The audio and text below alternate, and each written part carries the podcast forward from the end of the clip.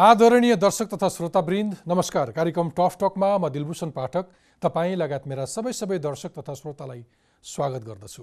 तपाईँ यो कार्यक्रम टफ टकको आफ्नो युट्युब च्यानलमा त्यसै गरी इन्टरफेस नेपालको web page interface Nepal dot com iOS चलाउने श्रोताहरूले आइट्युन्स तथा एन्ड्रोइड चलाउनेहरूले नेपाली पडकास्ट र हाम्रो पात्रो एपमा पनि टफ टक हेर्न वा सुन्न सक्नुहुनेछ।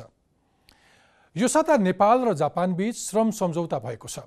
नेपालबाट जापानले सिपयुक्त र उच्च सिपयुक्त दुई खालका कामदार लैजाने समझदारी गरेको छ। अब नेपालीहरूले भाषा परीक्षा लगायतका प्रक्रिया पार गरेपछि आवश्यकता अनुसार जापान जान पाउनेछन्। उता अख्तियार दुरुपयोग अनुसन्धान आयोगले घुस लिने आफ्नै पूर्व आयुक्त राजनारायण पाठक विरुद्ध विशेष अदालतमा भ्रष्टाचारको मुद्दा दायर गरेको छ। नेपाल इन्जिनियरिङ कलेजको जग्गा विवाद मिलाइदिने भन्दै पाठकले आयुक्त छँदा नै घुस लिएका थिए। त्यही घुस प्रकरण बाहिर आएपछि राजीनामा दिनुभएका पाठकलाई अख्तियारले भ्रष्टाचार मुद्दा दायर गरेको हो। यस्तै सरकारले नेत्रविक्रम चन्द समूहको नेकपाका नेता कार्यकर्ता पक्राउ गर्ने क्रम तीव्र पारेको छ। प्रधानमन्त्री केपी शर्मा ओलीले चैतभित्र सबै हतियार छाडेर वार्तामा आउने अल्टिमेटम दिनुभएको छ भने चन्द समूहले सरकारको आग्रहलाई बेवास्ता गर्दै थप आन्दोलन घोषणा गरेको छ। आउनुहोस् अब लागौँ आजको विषयतर्फ। वैदेशिक लगानी भित्राउनका लागि भन्दै सरकारले शुक्रबार र शनिबार दुई दिनसम्म लगानी सम्मेलन गर्दैछ।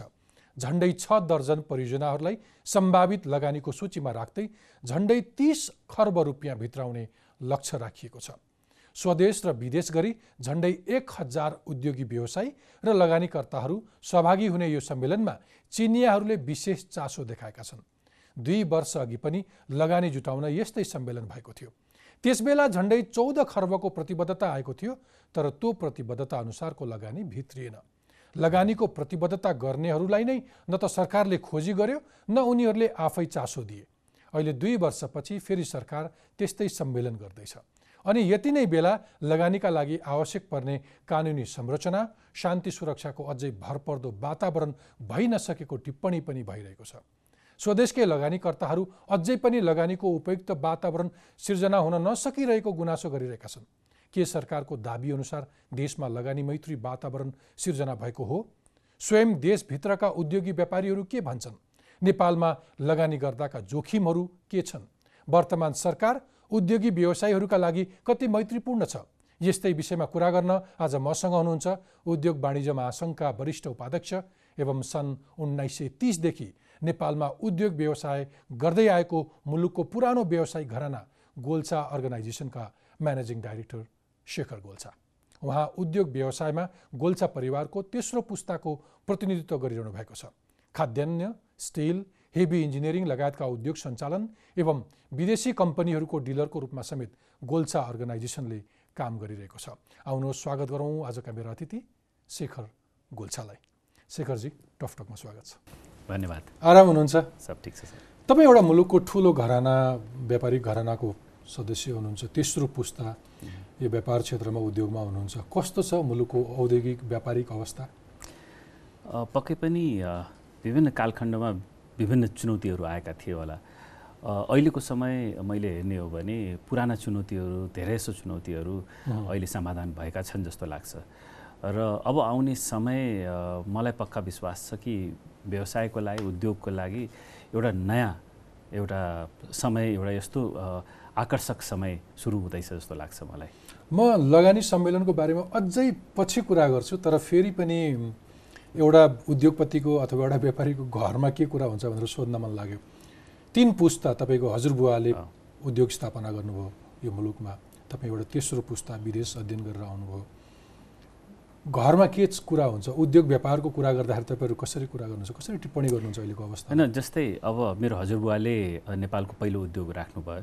राणाकालीन त्यस समयमा पहिलो उद्योग राख्दाखेरि उहाँले विभिन्न चुनौती र एउटा ठुलो कन्भिन्सिङ गर्ने आवश्यकता थियो।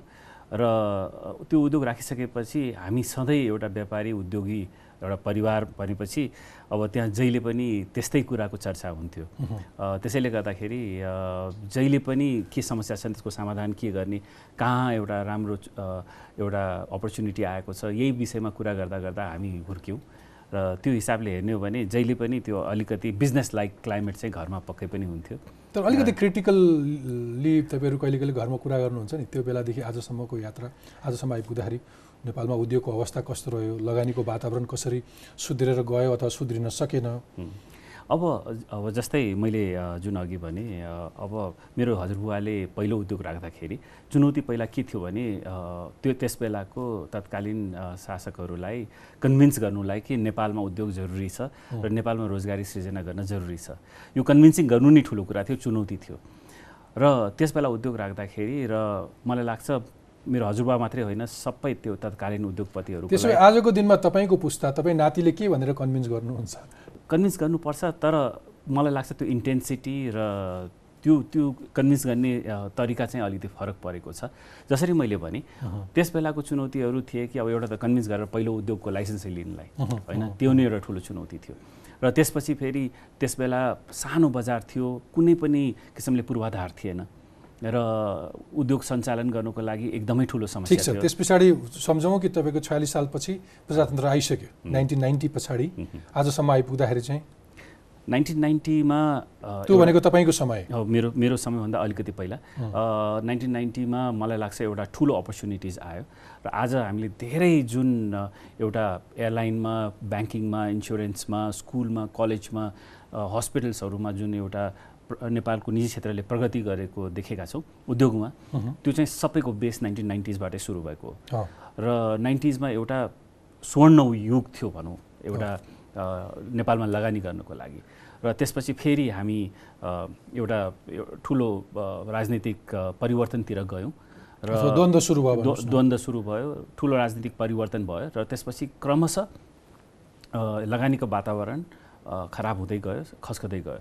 र त्यो बेला ठुलो चुनौती एउटा सिक्योरिटी नै एउटा ठुलो चुनौती थियो। त्यसले श्रम सम्बन्ध पनि धेरै नै बिग्रेर गयो र ऊर्जा लगायत अरू पनि धेरै समस्याहरू भए र त्यो चाहिँ चुनौतीको रूपमा थियो। तर जसरी मैले भने अब आउने समय पक्कै पनि जुन पुराना चुनौतीहरू थिए त्यो चुनौतीहरू चाहिँ धेरै हदसम्म त्यसलाई हामी समाधान गर्न सकेका छौँ। तर यो भन्दै गर्दाखेरि नयाँ चुनौती छैनन् भनेर भन्नु खोजेको होइन। नयाँ चुनौतीहरू पनि थपिएका छन्। हुन्छ। मलाई मलाई एउटा कुरा भनिदिनुहोस् तपाईँ तपाईँ विदेशमा पढ्नु भएको पचासौँ मुलुक पचास प्लस देशहरू घुम्नु भएको छ।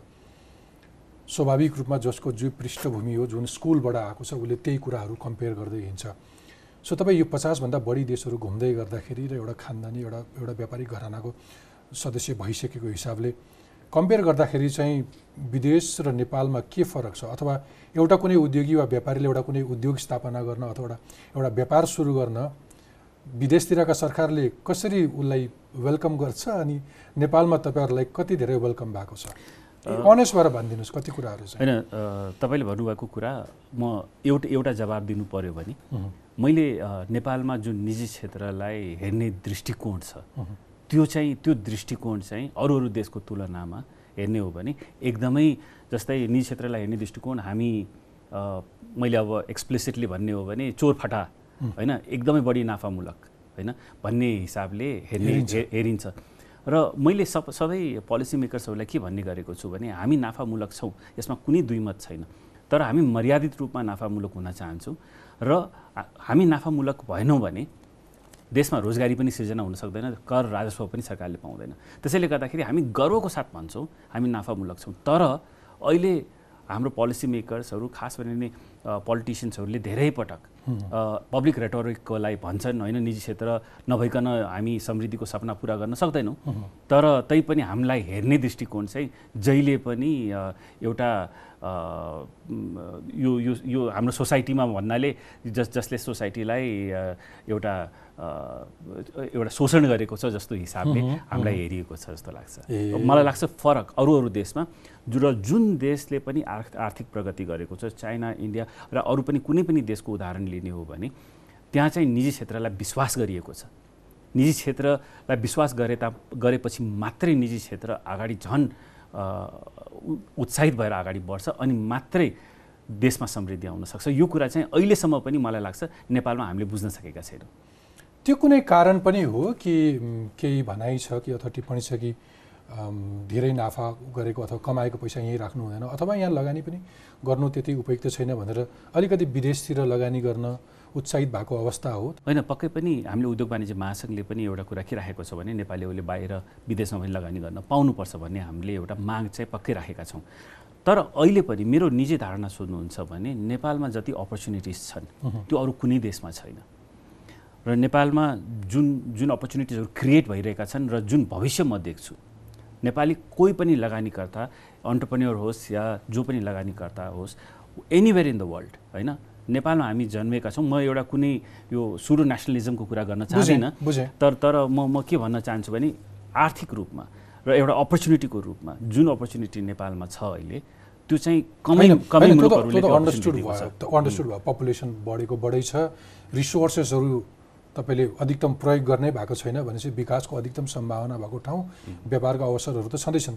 तर त्यो अवसर एउटा कुरा हो तर त्यहाँभित्र चुनौतीहरू कस्ता छन् भन्ने कुरा हो। केही घराना हेऱ्यो भने चाहिँ स्वदेशमा भन्दा विदेशमा लगानी गर्न इन्भेस्ट गर्न उत्साहित भएको देखिन्छ। त्यो चाहिँ यहाँको राजनीतिक अवस्था अथवा यहाँको शासन व्यवस्था पनि जिम्मेवार छ। हुनसक्छ किनभने सबैको आफ्नो एसपिरेसन्सहरू हुन्छन्। तर अब कानुनले दिएको छ। अब मैले सुनेको अनुसार त्यस त्यस्ता उद्योगीहरू मा परिवारमा एनआरएन्सहरू छन् र उनीहरूले विदेशमा लगानी गरेका छन् र आफ्नो एसपिरेसन अनुसार कोही ग्लोबल कम्पनी बन्न चाहन्छ भने त्यो चाहिँ त्यो पनि मलाई लाग्छ नेपालको लागि गर्वकै कुरा हो। र हामीले त झन् उद्योग वाणिज्य महासङ्घले के भनेको छ भने यसलाई लिगलाइज गरिदिनुहोस्। विदेशमा लगानी गर्नको लागि किनभने क्यापिटललाई रोक्न सकिँदैन। सकिँदैन। होइन? त्यसैले गर्दाखेरि त्यसलाई लिगलाइज गरिदिनु भयो भने यो जुन उद्योगी व्यवसाय गर्न पनि चाहन्छन् र गरिरहेका पनि छन् उनीहरू कमसेकम त्यो गिल्टबाट त निस्किन्छन्। त्यसमा एउटा फियर हुनसक्छ होला नि त। यदि तपाईँले यहाँनिर प्रपर इन्भाइरोमेन्ट पाउनु भएन इन्भेस्टमेन्टको अपर्च्युनिटिज त छ तपाईँले भन्नुभयो तर प्रशस्त च्यालेन्ज छन्। म आउँछु बिस्तारै क्रमैसँग यहाँको कर्मचारी तन्त्रले तपाईँलाई कसरी सहयोग गर्छ होइन? युनियनहरूले तपाईँलाई कति धेरै गलाएको छ त्यो प्रसङ्गमा बिस्तारै क्रमैसँग आउँला। तर यसै त बाहिर बन्द बाहिर जान नपाउने अवस्था हुँदाहुँदै पनि तपाईँहरू खुलेर उत्साहित भएर लगानी गरिरहेको अवस्था त छैन। छैनन् पक्कै पनि। तर बाहिर खुला रूपमा लगानी गर्ने अवसर पनि प्रदान गर्दाखेरि मलाई लाग्दैन कि कुनै ठुलो परिवर्तन आउँछ होला। किनभने त्यो क्यापिटल अहिले पनि गइरहेकै छ। तपाईँ मेरो प्रश्न के हो? तपाईँले यहाँ एन्करेज गर्न सक्नुभयो भने राम्रो अब अब यहाँ इन्करेज गर्नको लागि धेरै लामो समयपछि एउटा एउटा स्थिति आएको छ। अब हाम्रो पुस्ताले देखेको सबैभन्दा बलियो सरकार। र एउटा स्थिति के आएको छ भने अबको समयमा हामी लगानी गर्न सक्छौँ। तर एकैचोटि यो परिवर्तन ओभरनाइट हुन्छ भन्ने चाहिँ कल्पना गर्नु हुँदैन। किनभने लगानी गर्नको लागि धेरै कुराहरू कसैले आफ्नो घर जग्गा राखेर लगानी गर्दैछ। कसैले आफ्नो जीवनभरको कमाइ लगानी गर्दैछ भने उसले केही न केही त एउटा सुरक्षा खोज्छ होला। बिल्कुल। अब लगानी सम्मेलनको बारेमा कुरा गरौँ। सरकारले लगानी सम्मेलनको तयारी गर्दैछ यो दोस्रो पटक। तपाईँहरू उद्योगी व्यापारीहरूले कसरी लिनुभएको छ यसलाई? मैले अब यसको रिजल्ट कसरी हेर्ने भन्ने जुन पोइन्टबाट यसलाई हेर्न सकिन्छ। र मैले मैले मेरो व्यक्तिगत रूपमा हेर्दाखेरि यसले चाहिँ लगानीको वातावरणलाई इम्प्रुभ गरिरहेको छ। ओके। होइन? हामी यसको रिजल्ट यति यति बिलियन डलर्स आयो या य- यति यो भयो भनेर यो प्रतिबद्धताहरू आए त्यसबाट हामीले त्यसको रिजल्ट हेर्ने हो भने हुनसक्छ त्यसको लागि अलिकति केही समय हामी कुर्नुपर्छ होला। तर एउटा कुरा पक्कै हो यो लगानी समय सम्मेलन र योभन्दा पहिला भएका लगा- लगानी सम्मेलनले नेपाललाई एउटा विदेशमा लगानीकर्ताहरूको माझमा we are open for business होइन भन्ने सन्देश चाहिँ पक्कै गएको छ। र यसपालिको लगानी सम्मेलनमा पहिला रहेका केही कमीहरू जुन थिए जुन निजी क्षेत्रले पनि आफ्नो आफ्नो संस्थाहरूको मार्फतमा हामीले बोलेका थियौँ। त्यो त्यो समस्याहरूलाई पनि समाधान गर्न सरकार एकदमै गम्भीर देखिएको छ। धेरै समस्याहरू समाधान पनि भएका छन्। त्यो हिसाबले अहिलेको लगानी सम्मेलनमा तयारी चाहिँ पहिलाभन्दा धेरै राम्रो भएको छ जस्तो मलाई लाग्छ। तर म यो भन्दै गर्दाखेरि यो म के भन्छु भने कि कति लगानी आयो कति प्रतिबद्धता आयो पहिला चौध खर्बको आयो होला र अहिले पनि आउँछ होला। त्यसले चाहिँ जज गर्नु भएन। ओभरअल जज गर्ने एउटा दृष्टिकोण के हुनु सक हुनुपर्छ भने how much noise we have made होइन? र त्यसपछि वातावरण कस्तो भइरहेको छ र विभिन्न अब यसपछि दुई वर्षमा तिन वर्षमा कति लगानी आयो? ठिक छ होइन मैले यसलाई तपाईँहरू तपाईँहरूको सेक्टर उद्योगी व्यापारीहरू कसरी लिनु भएको छ भन्ने कुरा हामी चाहिँ एकदमै पोजिटिभली लिएका छौँ। त्यसको कारण के हो भने अहिले सबैभन्दा एउटा ठुलो चुनौती देशमा के रहेको छ भने there is a lack of capital होइन? हामी लिक्विडिटी एकदमै ठुलो क्राइसिस छ कुनै ठुलो प्रोजेक्ट गर्न चाहँदैनौँ। र अब हामी समृद्धिको सपना देख्छौँ यो देशलाई देशमा इन्डस्ट्रीको सपना देख्छौँ भने विदेशी लगानी नआइकन त्यो चाहिँ पुरा हुन सक्दैन। त्यसैले गर्दाखेरि स्वदेशी एउटा हामी एउटा उद्योगीको दृष्टिकोणले पनि हेर्ने हो भने अब हामीले विदेशी लगानी लिएर आउनै पर्छ त्यसको कुनै त्यो- त्यसको कुनै अर्को विकल्प छैन जस्तो ओके। लाग्छ तपाईँलाई यो यो यो समिटको आकर्षक केही पक्षहरू तपाईँलाई लागेको केही दुई चारवटा बेस्ट पार्टहरू? यसपालि तयारी पहिलाको तुलनामा धेरै राम्रो भएको छ। जस्तै विभिन्न कानुनहरू थिए जस्तै फेटाको कानुन भए अनि अरू पनि विदेशी लगानीकर्ताहरूलाई आफ्नो यहाँ कमाएको पैसा डिभिडेन्ड दिएर बाहिर लगाउनुपर्ने जुन एउटा समस्याको रूपमा थिए। र त्यस्तै गरेर स्थानीय समस्यालाई लिएर इन्भाइरोमेन्ट क्लियरेन्सहरूको धेरै ठुलो समस्या थियो। तर यसपालि चाहिँ फेटामा धेरै कुरालाई एड्रेस गरिएको छ र लगानी बोर्डलाई पनि इम्पावर गरिएको छ। त्यसले गर्दाखेरि विदेशी लगानीकर्ताहरूलाई जुन पहिला भएका समस्याहरू धेरै समाधान भएको छ। र स्वदेशी उद्योगीहरूको लागि पनि केही हामी हामी के चाहन्थ्यौँ भने केही क्षेत्रहरूमा विदेशी लगानी जहाँ इकोसिस्टम बनिसकेको छ त्यस्तो क्षेत्रहरूमा विदेशी लगानी नआइदियोस् भनेर। हामी नै गर्दा होइन हामी नै गर्न सक्छौँ। त्यो कुरा पनि एड्रेस गरेको छ। त्यसैले गर्दाखेरि सरकारले तयारी गरेको छ जस्तो लाग्छ मलाई। र योपालि चाहिँ पहिलाको तुलनात्मक रूपमा तयारी राम्रो भएको छ। र रिजल्ट पनि आउँछ जस्तो मलाई विश्वास छ। र यो अर्को कुरा यसमा म के थप्न चाहेँ भने सरकारले जुन प्रोजेक्ट्सहरू रेडी गरेको छ। त्यो प्रोजेक्ट्सहरू पनि पहिलाको तुलनामा गहन छन् र त्यो गर्न लायकका छन् र मलाई लाग्छ यसले लगानीकर्ताहरूलाई आकर्षित गर्छ। त्यसो भए भनिदिनुहोस् इक्जाम्पलको रूपमा। तपाईँलाई मन परेका प्रोजेक्ट्सहरू चार पाँचवटा अब जस्तै हाइड्रो पावरका प्रोजेक्ट्सहरू छन् होइन? अब त्यस्तै टुरिज्मको गरेर टुरिज्मको प्रोजेक्ट्सहरू छन् केबल कार्सहरूको प्रोजेक्ट्सहरू छन् अब हाम्रो हाई हाम्रो ट्रेनहरूको प्रोजेक्ट छन् यो ठुला प्रोजेक्ट्सहरू भए। तर साना प्रोजेक्ट्सहरूमा पनि मलाई लाग्छ उद्योग र पर्यटनको क्षेत्रमा धेरै प्रोजेक्ट्सहरू जुन रेडी छन् सरकारले एउटा पस्कन सकेको छ त्यो पनि छन्। र यो यो पनि मलाई लाग्छ यस्तो भयो भने निजी क्षेत्रले पनि आफ्नो पार्टनर्सहरू खोज्छन्। उनीहरूले पनि धेरै तयारी गरेका छन् कि राम्रो पार्टनर आयो भने म यस क्षेत्रमा लगानी गर्छु भनेपछि मैले दुईतिरबाट तयारी राम्रो देखेको छु। ओके मलाई एउटा कुरा भनिदिनुहोस्। अहिले त तपाईँहरू धुमधामका साथ तयारीमा लागेको देख्छु। तपाईँसँग समय लिन नै गाह्रो भयो। एफएनसिसिआईको भाइस प्रेसिडेन्ट हुनुहुन्छ त्यो एउटा कुनै पनि मुलुकको विकास समृद्धि भन्ने बित्तिकै सबै मिलेर गर्नुपर्छ। त्यसमा सबैको सम- समान भूमिका जरुरी छ। तर जुन अहिले तपाईँको व्यस्तता देख्दाखेरि सरकारले अधिकतम अन्तर्क्रिया गरे जस्तो पो लागिरहेछ। कति धेरै अन्तर्क्रिया गरे? लगानी सम्मेलन गर्नलाई? अब लगानी सम्मेलन अब आइबिएनको कुरा गर्ने हो भने अब लगानी बोर्डको कुरा गर्ने हो भने त्यसमा उद्योग वाणिज्य महासङ्घको जहिले पनि सहभागिता रहेको छ। भनेपछि पुरा तयारीमा उद्योग वाणिज्य महासङ्घको हाम्रो अध्यक्षजीको सहभागिता रहेको छ। त्यस्तै गरेर अरू छात्र सङ्गठनहरूको पनि सहभागिता रहेको छ। र त्यसैले गर्दाखेरि प्राइभेट सेक्टरको इन्भल्भमेन्ट छैन भनेर म भन्दिनँ। र इन्टरेक्सन्स भइरहेका छन्। विभिन्न लेभल्सहरूमा इन्टरेक्सन्स भइरहेका छन्। र अहिले आइबिएनले जस्तै मैले पनि म कमसेकम तिन चारचोटि त्यहाँ एकदम गहन मिटिङ्सहरूमा गइसकेको छु। र के गर्दाखेरि ठिक होला भन्ने कुराहरू हामीले पनि आफ्नो अगाडि पछाडि। कति गर्छ? मैले केही तपाईँ जस्तै केही घराना उद्योगी व्यापारीहरूसँग भेट्दाखेरि अगाडि पछाडि चाहिँ यो सरकारले विकास र समृद्धिको कुरा गरे गरेको गरै छ नारा लगाएको लगाइ छ तर हामी व्यापारीको कहिले पनि कुरै सुन्दैन समय नै पाइँदैन भनेर गुनासो पनि अलिक बढी चर्केको थियो बिचमा एकचोटि त्यो सुनेको थिएँ जस्तो लाग्छ मलाई। होइन पक्कै पनि अब एउटा एक्सपेक्टेसन पनि बढी भयो। जसरी मैले भने हाम्रो पुस्ताले देखेको सबैभन्दा बलियो सरकार। होइन ठुलो नै परिवर्तन आउँछ भन्ने एउटा एक्सपेक्टेसन पनि हुनु होइन र हुनसक्छ धेरै कुराहरू धेरै कानुनहरू यस्ता आए जसमा चाहिँ प्राइभेट सेक्टरको इन्भल्भमेन्ट अरू अझ बढी हुनुपर्थ्यो भन्ने जस्तो हामीलाई लागेको छ। होइन?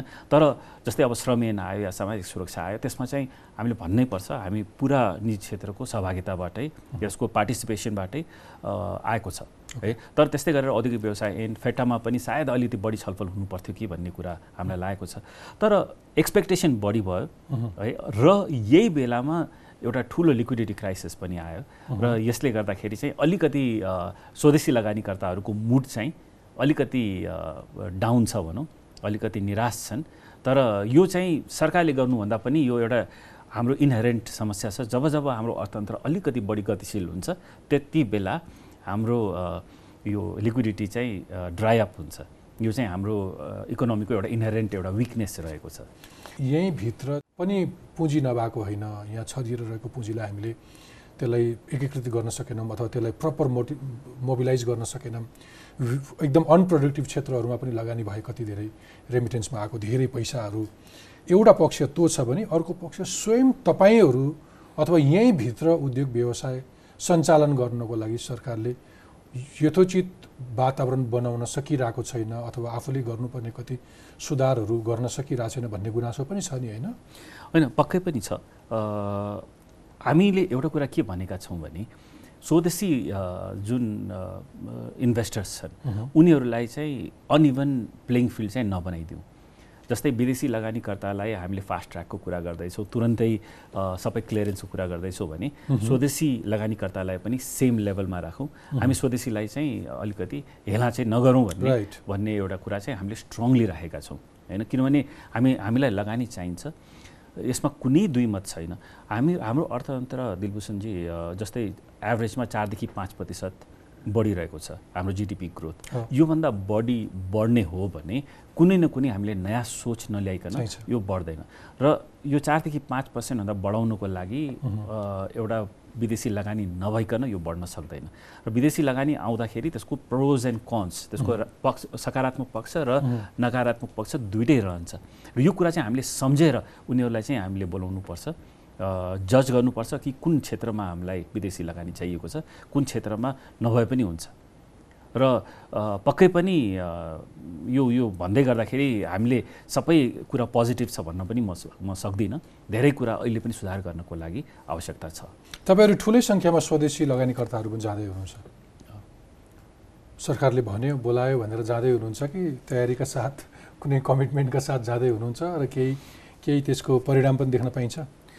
धेरै म मैले थाहा पाएको अनुसारले धेरै साथीहरूले प्रोजेक्ट्सहरू रेडी गरेका छन् र उनीहरूले आशा गरेका छन् कि यस लगानी सम्मेलनमा त्यस्ता आफ्नो पार्टनर्सहरू भेटुन् जसले लगानी गर्नको लागि पार्टनरसिप गरून् यस यो र या टेक्नोलोजीको लागि पार्टनरसिप गरून्। यसको लागि चाहिँ केही साथीहरूले तयारी गरेका छन्। तर यो सबै कुरा पक्कै पनि सबैलाई जानकारी हुन जरुरी छैन।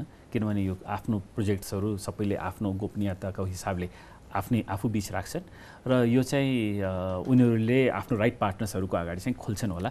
तर मेरो जानकारी अनुसारले यसपालिको निजी क्षेत्रमा पनि तयारी पहिलाको तुलनामा धेरै राम्रो छ। ओके अब तर लगानीको कुरा आउने बित्तिकै उसले वातावरणको कुरा गर्छ। पहिलो शर्त इन्भेस्टमेन्टको पहिलो शर्त इन्भाइरोमेन्टै होला होइन? त्यो भनेको के हो भने त्यो सुरक्षित वातावरण छ? तपाईँहरूले लगानी गर्छु भन्दाखेरि उपयुक्त वातावरण चाहिँ छ देशमा? अब वातावरणमा यो एकदम वाइड सब्जेक्ट भयो होइन? हाम्रो केही कम्पिटेटिभ एडभान्टेजहरू देशमा छन् होइन? केही क्षेत्रहरूमा हाम्रो कम्पिटेटिभ एडभान्टेज एडभान्टेज छ धेरै क्षेत्रहरूमा छैनन् होइन? जस्तै उता उद्योगको लागि कुरा गर्ने हो भने अहिले पनि कस्ट अफ डुइङ बिजनेस हेर्ने हो भने झन्डै अठाइसदेखि तिस प्रतिशत भारत र चाइनाको कम्पेरिजन गर्ने हो भने तिस प्रतिशत हामी बढी महँगो छौँ। होइन किनभने हाम्रो पूर्वाधार एकदमै कमजोर छ हाम्रो लेबरको प्रोडक्टिभिटी कम छ हाम्रो ब्याज दरहरू एकदमै बढी छन् जग्गा प्राप्ति हाम्रो एकदमै गाह्रो छ। भन्नाले उद्योगको लागि वातावरण त्यति राम्रो बनिसकेको छैन। तर यो भन्दै गर्दाखेरि केही कम् क्षेत्रहरूमा हामी एकदम कम्पिटेटिभ पनि छौँ जस्तै हाइड्रो पावरको कुरा गरौँ या टुरिज्म अपर्च्युनिटिजको कुरा गरौँ माइनिङको कुरा गरौँ या पूर्वाधारको कुरा गरौँ। होइन? किनभने एउटा पपुलेसन छ तिन करोड पपुलेसन जुन हजार डलरभन्दा ऱ्यापिडली ग्रो गरिरहेको छ। भन्नाले एउटा एउटा मार्केट बनेको छ। भन्नाले दुई दुईतिरबाट उद्योगमा केही उद्योगहरूमा अपर्च्युनिटिज छन् होला। तर मैले सबै स्विपिङ स्टेटमेन्ट अब हामी एकदम कम्पिटेटिभ राष्ट्र छौँ भन्ने कुरा चाहिँ पक्कै पनि हामीले प्रस्तुत गर्नु हुँदैन। हामी केही कुराहरूमा कम्पिटेटिभ छौँ त्यसरी एउटा रियलिस्टिक प्रेजेन्टेसन गर्नुपर्छ जस्तो मलाई लाग्छ। होइन तपाईँले अब आइरोको कुरा गर्नुभयो अरू अवसरको कुरा गर्नुभयो। मैले सुरक्षाको सन्दर्भ कहाँनिर जोडेँ भने लगानीकर्ताले आफ्नो लगानीको मुनाफा खोज्छ अथवा रिटर्न खोज्छ। अहिले हामीले मुलुकमा शान्ति सुरक्षा छ भन्दा भन्दै पनि फेरि राजनीतिक स्थिरता आयो भन्दा भन्दै पनि फेरि नेत्र विक्रम चन्द समूहको एउटा समूह विस्फोट गराउँदै हिँडेको छ बम पड्काउँदै हिँडेको छ त्यति मात्रै होइन बिजनेस लक्षित बमहरू पड्किँदैछ एनसेलमा बम पड्कियो तपाईँको अरुण तेस्रोमा पड्काइयो होइन? यसले यसले केही अर्थ राख्छ? अलिकति क्रिटिकल भएर भन्न सक्नुहुन्छ? मनको कुरा? पक्कै पनि यसले चाहिँ अलिकति भए पनि अलिकति निराशा पक्कै आएको छ। निराशा कि एउटा लगानीकर्तालाई त्रास पनि ल्याउँछ? होइन त्रासै भन्न त म सक्दिनँ। अलिकति निराशा किन छ भने अहिले वर्ल्डमै हेर्ने हो भने होइन हामी टेररिजमको कुरा गरौँ या अरू अरू अरू अरू समस्याहरूको कुरा गरौँ हरेक देशमा केही न केही समस्याहरू रहेका छन्। न्युजिल्यान्ड जस्तो देशमा त यति ठुलो घटना भयो होइन? अमेरिकामा गन लले गर्दाखेरि घटनाहरू भइरहेका छन्। तर घोषणा गरेर एउटा सङ्गठन लागेको छैन नि त्यहाँ त? होइन न न त्यस्तो नभए तापनि कुनै न कुनै तरिकाले टेररिजम या सुडो नेसनलिजमले त्यहाँ चाहिँ केही न केही फरक परिरहेको छ। आज युरोपमा कुरा गर्ने हो भने त्यहाँ पनि समस्या रहेका छन्। हामीका पनि समस्या छन् यसलाई समाधान गर्न सक्नुपर्छ। तर यसले तुरन्तै अब हामी जुन नेपाल हामी दुई दुई दशकको जुन एउटा जुन हामी द्वन्द्वको स्थितिमा गएका थियौँ त्यस बेला पनि त लगानी नआएको त होइन नि। ओके। होइन त्यो बेला त पिकमै थियौँ हामी। र यसले चाहिँ तुरन्तै सबै लगानीकर्ताहरू फर्केर जान्छन् जस्तो पनि होइन तर पक्कै पनि अलिकति निराशा चाहिँ आएको छ जस्तो लाग्छ। अब अर्को नेपालमा उद्योग धन्दा अथवा कारखाना भन्ने बित्तिकै उद्योगी व्यापार व्यापारीहरूको सबैभन्दा टाउको दुखाइ भनेको मजदुर सङ्गठनहरू हो। यति धेरै मजदुर सङ्गठन र त्यहाँ पनि अलिकति व्यावसायिक धर्म भइदिएको भए हुन्थ्यो होला। उनको आफ्नो इन्ट्रेस्टमा तपाईँहरूलाई हल्लाउँछन्। तपाईँहरूलाई हल्लाउँछन् मात्रै होइन तपाईँहरूको उद्योगमा ताला लगाउँछन् र यस्तो परिस्थितिमा पुर्याउँछन् कि लु भइगयो अब त्यो जुङ्गाको लडाइँ म बरु उद्योग नै गर्नु छैन तिमी बाटो लाग म जति करोड र अर्ब डुबे पनि डुब्छु भनेर धाराशाही भएका उद्योगहरू पनि छन् नि होइन? साँच्चै भनिदिनुहोस्। तपाईँका अरू तपाईँ त एउटा सङ्गठनलाई नेतृत्व गर्नुहुन्छ र त्यहाँ धेरै साथीहरूले यो अन्तर्वार्ता हेरिरहेको हुनसक्छ।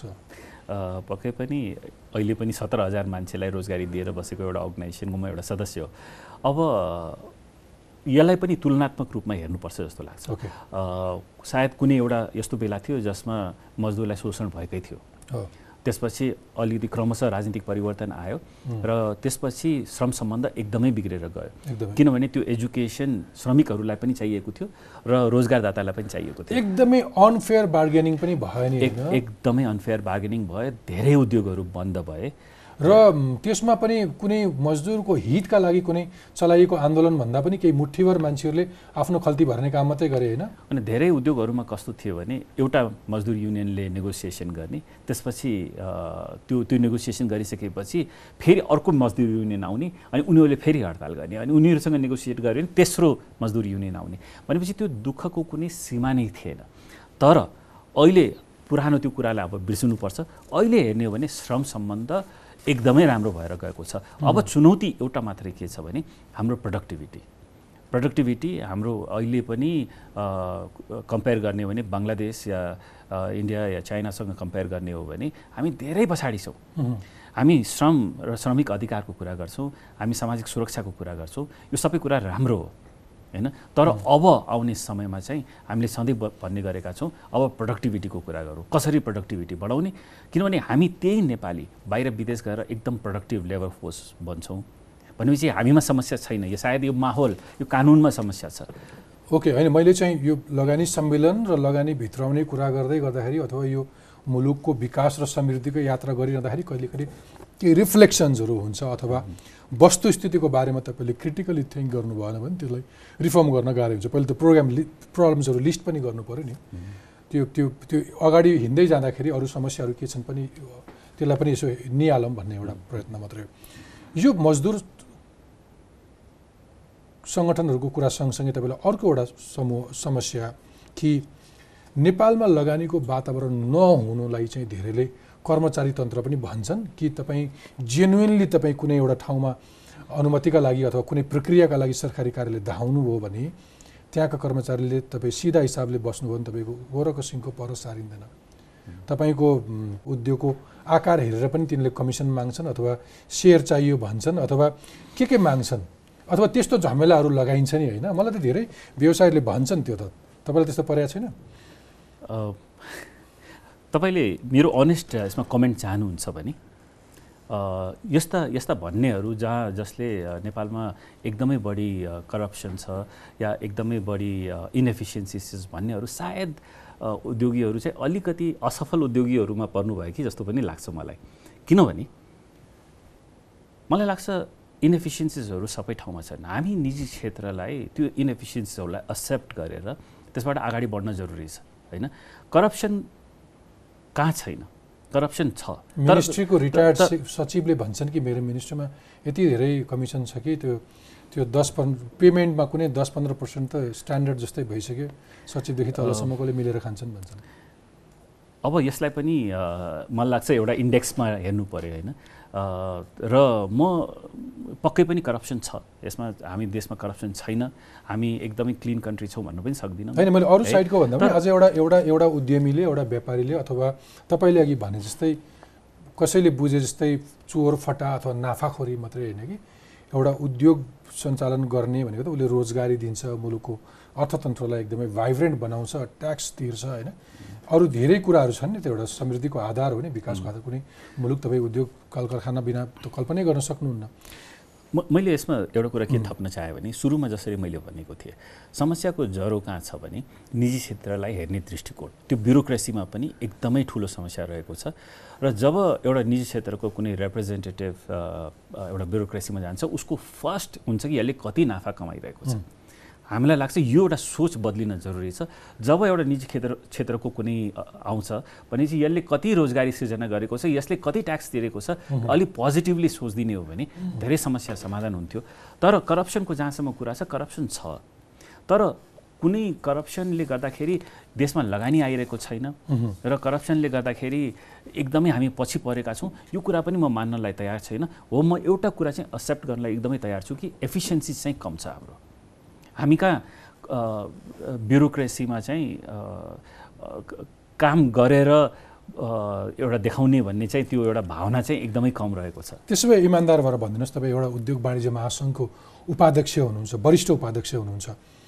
एउटा कुनै व्यवसायीले एउटा कुनै उद्योग स्थापना गर्नु पर्यो भने कति ठाउँ चार्नुपर्छ कति झन्झट झमेलाहरू बिहोर्नुपर्छ भनिदिनुहोस् झमेलाहरू छन् तर अपर्च्युनिटिज चाहिँ झमेलामै आउने हो।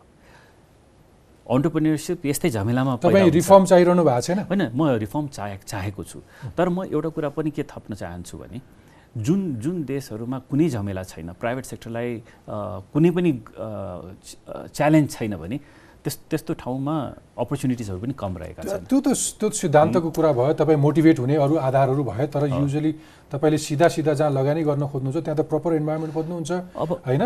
सरकारले तपाईँलाई कति कुरा तपाईँ राज्यलाई ट्याक्स तिर्नलाई एउटा व्यवस रोजगारी दिनको लागि एउटा उद्योग सञ्चालन गर्न चाहँदै हुनुहुन्छ भने त तपाईँ जस्तै तपाईँको छाता सङ्गठनले तपाईँको सङ्गठनले तपाईँको साथीभाइले मागेको कुरा हो नि हामीलाई प्रपर इन्भाइरोमेन्टले अब कुनै झन्झट झमेलामा नपाएर सिधा सिधा काम गरौँ भन्छन् होला नि कि? अरू बाटो मात्रै हो। होइन अब जसरी मैले अघिको कुरा गरेँ मैले अब एउटा उद्योगलाई एउटा इन्भाइरोमेन्ट क्लियरेन्स बाहेक अरू अरू समस्याहरू र रजिस्ट्रेसनदेखि लिएर पर्मिसनहरू लिने हो भने अहिले पनि एक महिना डेढ महिनाभन्दा बढी लाग्दैन समय। इन्भाइरोमेन्ट विदेशमा कति लाग्छ गएका मुलुकहरू अब बाहिर गयो भने तुरन्तै हुन्छ होला होइन? तर कतिवटा कार्यालय जानुपर्छ?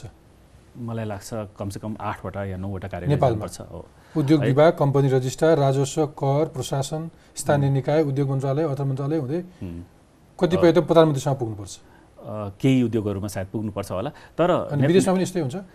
विदेशमा सायद यति हुँदैन होला किनभने वान जसरी अहिले आज हामी विदेशी लगानीकर्ताहरूलाई आकर्षित गर्नको लागि वान विन्डो क्लियरेन्स भनेर भनेका छौँ र प्राइभेट सेक्टरलाई नेपालको लगानीकर्तालाई पनि त्यो सुविधा प्राप्त होस् भन्ने कुरा चाहिँ हामीले राख्न चाहन्छौँ। तर तर तर यो मैले जसरी भने यो ब्युरोक्रेसी यो करप्सन यिनीहरू चाहिँ लगानी आउनको लागि बाधक होइनन्।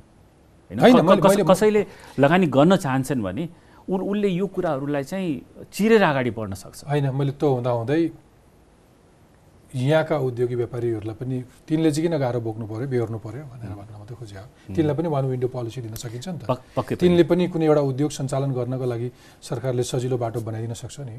हो। यो कुरा पक्कै हो। Unfair on on on even playing field चाहिँ हुनु हुँदैन। जुन सुविधा विदेशी लगानीकर्तालाई पाएका छन् त्योभन्दा बढी नै सुविधा स्वदेशी लगानीकर्ताले पाउनुपर्छ भन्ने कुरा हामीले राख्न खोज्छौँ। तपाईँले कति कुराहरू चाहिँ ठ्याक्कै होइन अपर्च्युनिटी त्यहीँ छ यो यस्तै हो भनेर भन्दा भन्दै पनि फेरि पनि तपाईँ जस्तै अथवा कुनै घराना चाहिँ वैदेशिक लगानीमा अथवा विदेशको विदेशमा गएर व्यापार व्यवसाय गर्नलाई सजिलो चाहिँ किन ठानिरहेछ? नेपालमा उसको लगानी बढ्नुको सट्टा बाहिर किन भइरहेको छ त्यसको कारण चाहिँ यही अहिले भनेकै कुराहरू हुन् अथवा अरू के के हुन्? होइन एउटा एउटा मुख्य कारण के छ भने हाम्रो बजार सीमित छ। नेपालमा कुनै पनि ठुलो अर्गनाइजेसन या घरानाको कुरा गर्दाखेरि कोही पनि अर्गनाइजेसन भर्टिकल्ली ग्रो गर्न सक्दैन। सबैजना हरिजेन्टली ग्रो गर्छन्। भन्नाले विभिन्न क्षेत्रहरू विभिन्न किसिमका बिजनेसहरू गरेर गर्छन्। बाहिरतिर कुरा गर्ने हो भने एउटा मात्रै फिल्डमा असीमित रूपमा बढ्न सकिन्छ।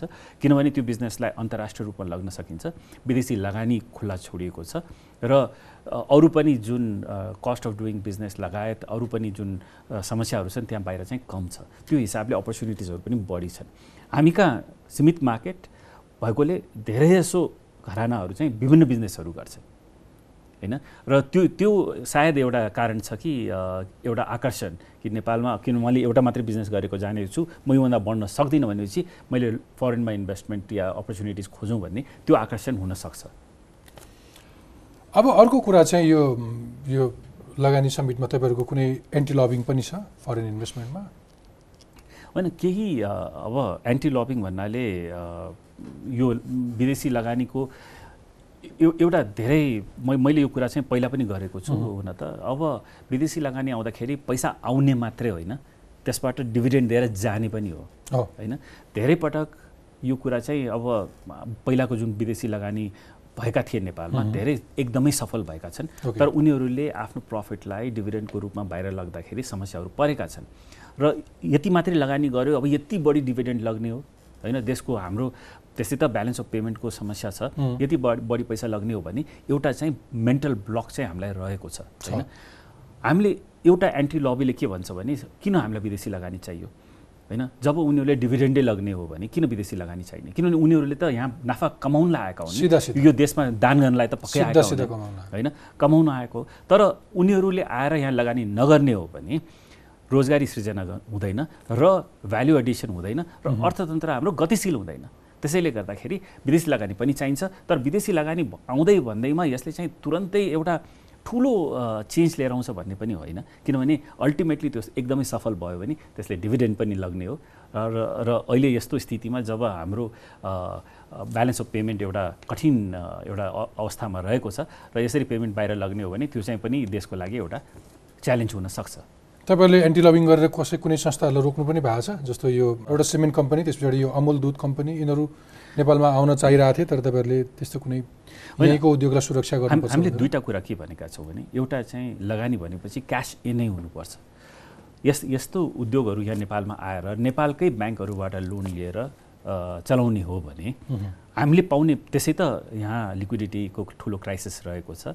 र त्यसपछि पनि यहीँको हाम्रो क्यापिटललाई ड्राई गरिदिने हो भने त्यस्ता उद्योग त्यस्ता विदेशी लगानी हामीलाई किन चाहियो भन्ने एउटा प्रश्न हामीले उठाएका छौँ। र अर्को प्रश्न हामीले के उठाएका छौँ भने जुन उद्योगहरूको इकोसिस्टम यहाँ बनेको छ जसमा लाखौँ किसानहरू एउटा जोडिएका छन् र एउटा उद्योगहरूले गर्दाखेरि देश आत्मनिर्भर छ त्यो त्यो पदार्थमा होइन? अब त्यस्तो उद्योगहरूमा किन विदेशी लगानी लिएर आएर इकोसिस्टमलाई डिस्टर्ब गर्ने? भन्ने चाहिँ हामीले अर्को तर्क दिएका छौँ। तर हामीले जहिले पनि प्रतिस्पर्धा गर्न डराउनु भएको होइन पक्कै पनि होइन पक्कै पनि होइन।